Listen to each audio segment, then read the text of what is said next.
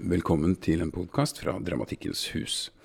Jeg sitter her med Lisa Lie, og vi skal snakke om prosjektet hennes Vake. Lisa, hva er Vake? Vake er et uh, møtested uh, for fremmede. Og hvis man ikke er fremmed, så blir man det igjen, og så møtes.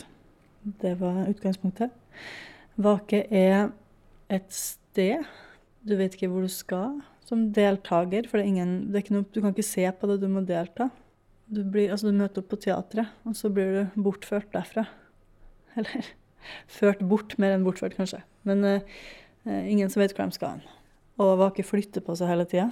Så vi har heller ikke full kontroll over landskapet. Det er også interessant, så man hele tida må omstille seg. Og så er det vel en blanding av en uh, sånn silent retreat, heksesirkel, levende rollespill, leir, speiderleir, kanskje. Altså alle de tingene der. Uh, men det handler altså om møtet med oss sjøl, deg sjøl og stedet. Som både er en psykogeografi basert på et narrativ og det faktiske stedet og den faktiske natta. Ja.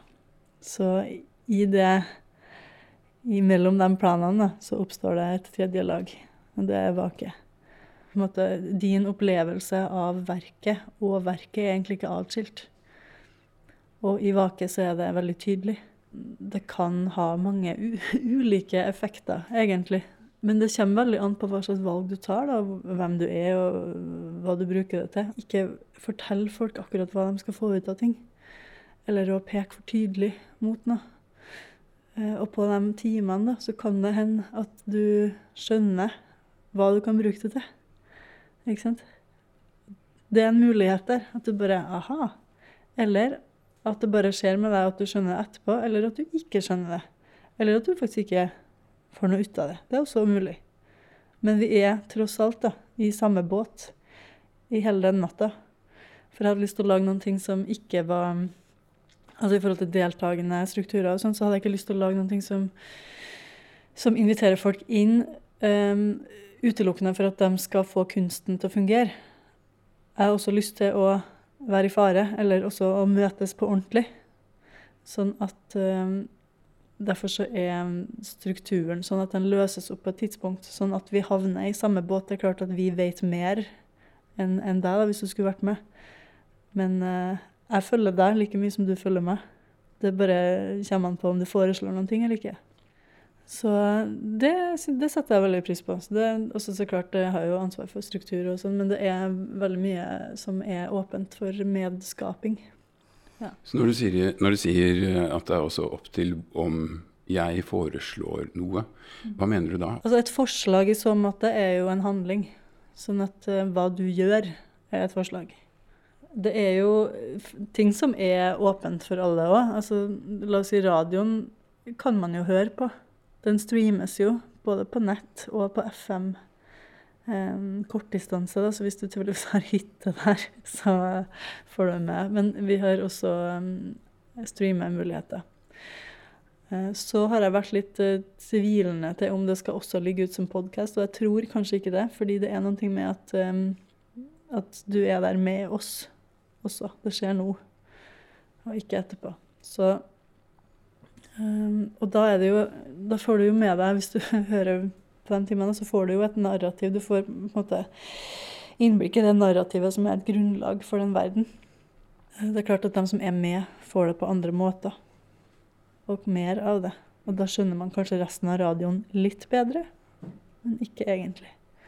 Jeg har bare vært til stede på et verksted her på Dramatikkens hus. Og det bringer jo publikum inn i rituelle seanser.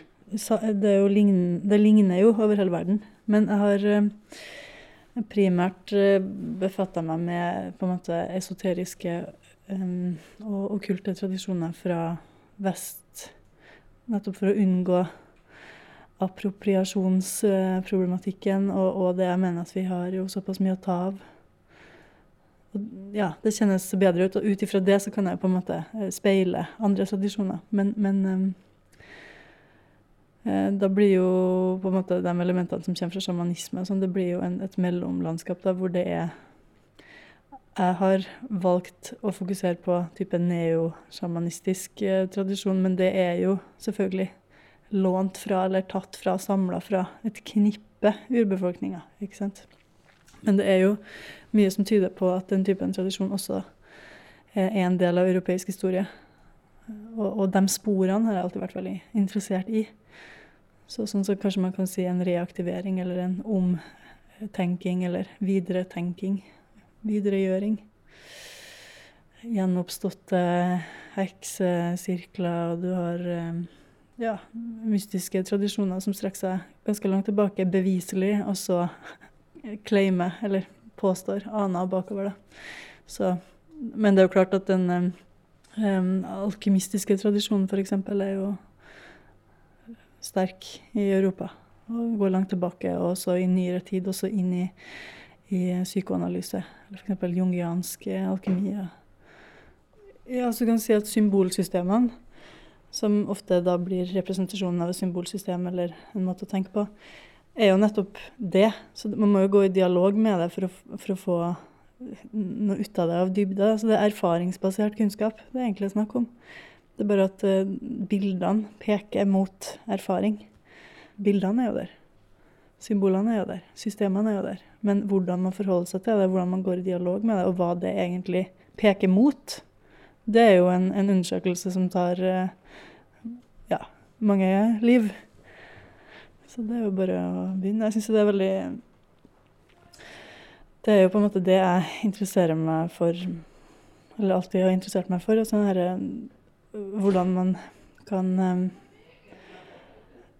ja, først opprette og så utvikle en dialog eh, og hele tiden liksom se om man finner nye veier mellom underbevissthet og bevissthet. Sånn at man blir et eh, kollektiv, og så man ser liksom selve som kollektiv. Jeg snakker jo med folk som har vært med nå, intervjuer dem, så det er jo alt fra eh, ikke fått noe utbytte til veldig utbytte.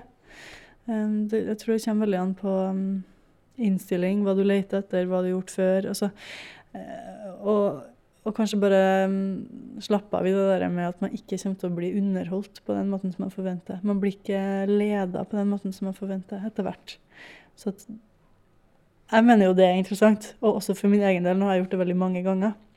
Og det, jeg møter jo virkelig meg sjøl i døra. Eh, noen ganger er jeg liksom fylt med indre motstand. Andre ganger overhodet ikke. Men, men, det å, å, stå i det, det tror jeg er, er faktisk en, en viktig øvelse. Det er en viktig kvalitet som vi kanskje mister mer og mer. Evnen til å stå i, stå i det.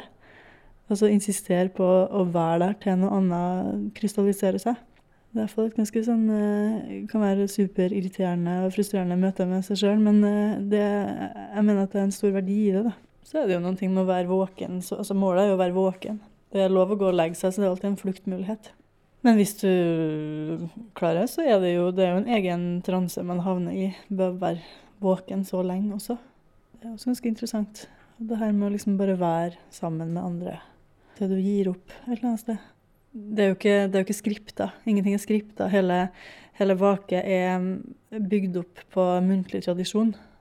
Sånn at um, f.eks. det narrativet som som uh, gjenfortelles hele tida, det er et som ikke har vært skrevet ned noe sted. Det er bare jeg har hatt det i hodet. Og så har jeg fortalt det til de medvirkende, så har de fortalt det tilbake. Og så uh, er det på en måte åpent for at det du begynner å se, da, eller det du legger til, eller det er også riktig. Sånn at det finnes noe grunnarrativ som vi har felles. Og så behandler du det. Du tar vare på det på din måte som du kan. Så det, det videreføres, da. Og på den måten så blir det jo så Åpner det seg på en måte som jeg uh, syns er interessant å på en måte miste litt kontrollen over det. Sånn at det som skjer nå, er jo at det, jeg tror nok at de erfaringene med Vake vil påvirke hvordan det narrativet skrives videre. da. Ja. For det er jo narrativet baserer seg på et sånt landskap. Jeg kaller det landskap, for det er et eh, veldig stort sånn landskap av fragmenter. Um, som jeg har hatt narrativet til, men bare inni hodet. Og har vært der siden 2005. Så det har på en måte det begynt da, og så har det liksom utvikla seg. Så nå driver jeg og lukker det mot et format som kanskje andre kan klare å komme seg inn i. da. Og da var Vake et ledd i den prosessen.